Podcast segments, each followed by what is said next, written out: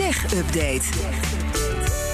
Een revolutionaire manier om raketten de ruimte in te krijgen, spionage in Brussel en een nieuwe mededingingsklacht tegen Apple. Het is tijd voor de tech-update met Connor Klerks. Hi Connor. Hey, goedemiddag Lisbeth. Laten we beginnen met die bijzondere onthulling in Brussel. Ja, hooggeplaatste Europese functionarissen, waaronder Didier Reinders, dat is uh, de Belgische eurocommissaris voor justitie, zijn doelwit geweest van spionagesoftware van Israëlische bodem op hun iPhones. Dat meldt uh, persbureau Reuters vandaag. Reuters heeft documenten ingezien en meerdere bronnen binnen de EU uh, zouden dit verhaal ook aan hen hebben bevestigd.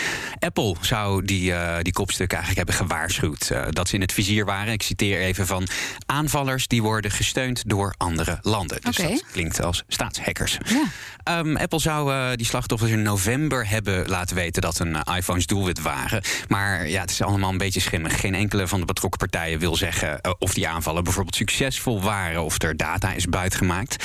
De NSO Group, dat is de maker van de omstreden Pegasus software, die ken je misschien nog wel, hè? Mhm. Die ontkent dat zij betrokken zijn. Uh, na de Pegasus-affaire, daarbij werd bekend dat politici, activisten, journalisten, dissidenten wereldwijd eigenlijk uh, met software uit de koker van uh, de NSO Group werden bespioneerd. in navolging daarvan heeft het Europees Parlement toen een onderzoekscommissie ingesteld, onder leiding van Sofie in het Veld. En die commissie gaat nu ook deze zaak toevoegen eigenlijk aan hun onderzoeksdossier. Een aantal van de telefoons waar het om gaat is al onderzocht door de Europese Commissie. Maar volgens Reuters was er geen uitsluitsel of er nu wel of geen spyware op is. En, en, weten ze dan ook al hoe die uh, spionagesoftware eruit zag? Hebben ze een keer een update van uh, nou ja, een bankapp uh? Waarschijnlijk weten zij het wel, maar wij nog niet. Maar bij Pegasus was het zo lastig. Die software was zo geraffineerd dat die in principe op jouw iPhone kon staan zonder dat je daar eigenlijk zelf iets voor hoefde te doen of het ook zelf maar door had.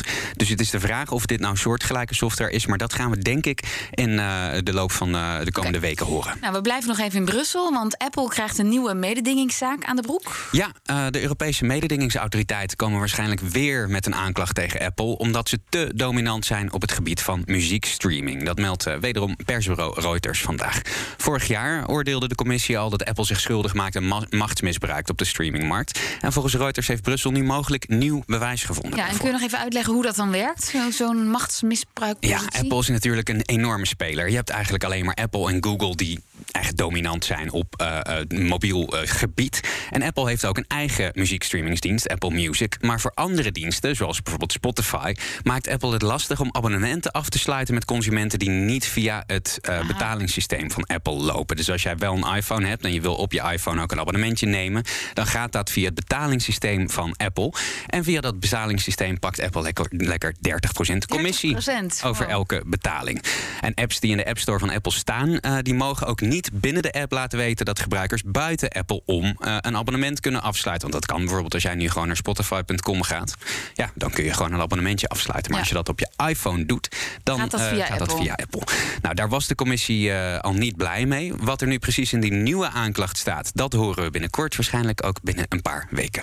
En dan iets bijzonders eh, bij NASA. Die gaan raketten de ruimte in slingeren in Ja. plaats van lanceren. Het is Hoe moet dat Echt een eh, gaaf verhaal. NASA gaat later dit jaar een test uitvoeren met het bedrijf Spin Launch, meldt nu.nl.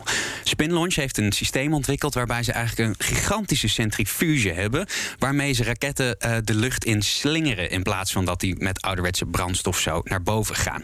Moet je voorstellen, het is een hele grote cirkel met een pijp eraan, 91 meter hoog. Het is een vacuümkamer. En in die eh, vacuümkamer wordt een arm met 8000 km per uur rondgeslingerd. En aan het einde van die arm zit de lading, dus bijvoorbeeld een raket.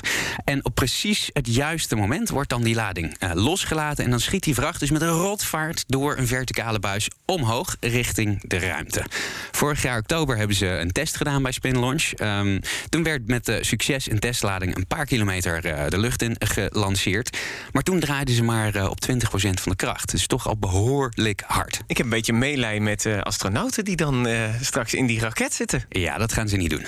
Het zijn onbemande raketten. Oh, het zijn onbemande raketten, oké. Ja, ik moet nu toch eh, eh, onwillekeurig denken aan de keren dat ik met zo'n touw en een bal eraan Ja. zo heel hard heb rondgedraaid. Dan laat je ook wel eens precies op het verkeerde moment los. Maar goed, dat eh, kan NASA beter. Ja, hier Wa- zijn ze waarom willen ze dit doen eigenlijk? Ja, het gaat eigenlijk om brandstof. Want raketlanceringen die gebruiken ontzettend veel brandstof. En met dit systeem kan er dus veel zuiniger worden gelanceerd. Want de brandstof die ze nodig hebben is wel bijvoorbeeld om, als het om een satelliet gaat, om bijvoorbeeld een correctie uit te voeren, zodat die in de juiste richting gaat. Maar je bent niet niet meer gewoon echt het gigantische hoeveelheden brandstof aan het uh, opbranden. Om gewoon naar boven te komen. Ja.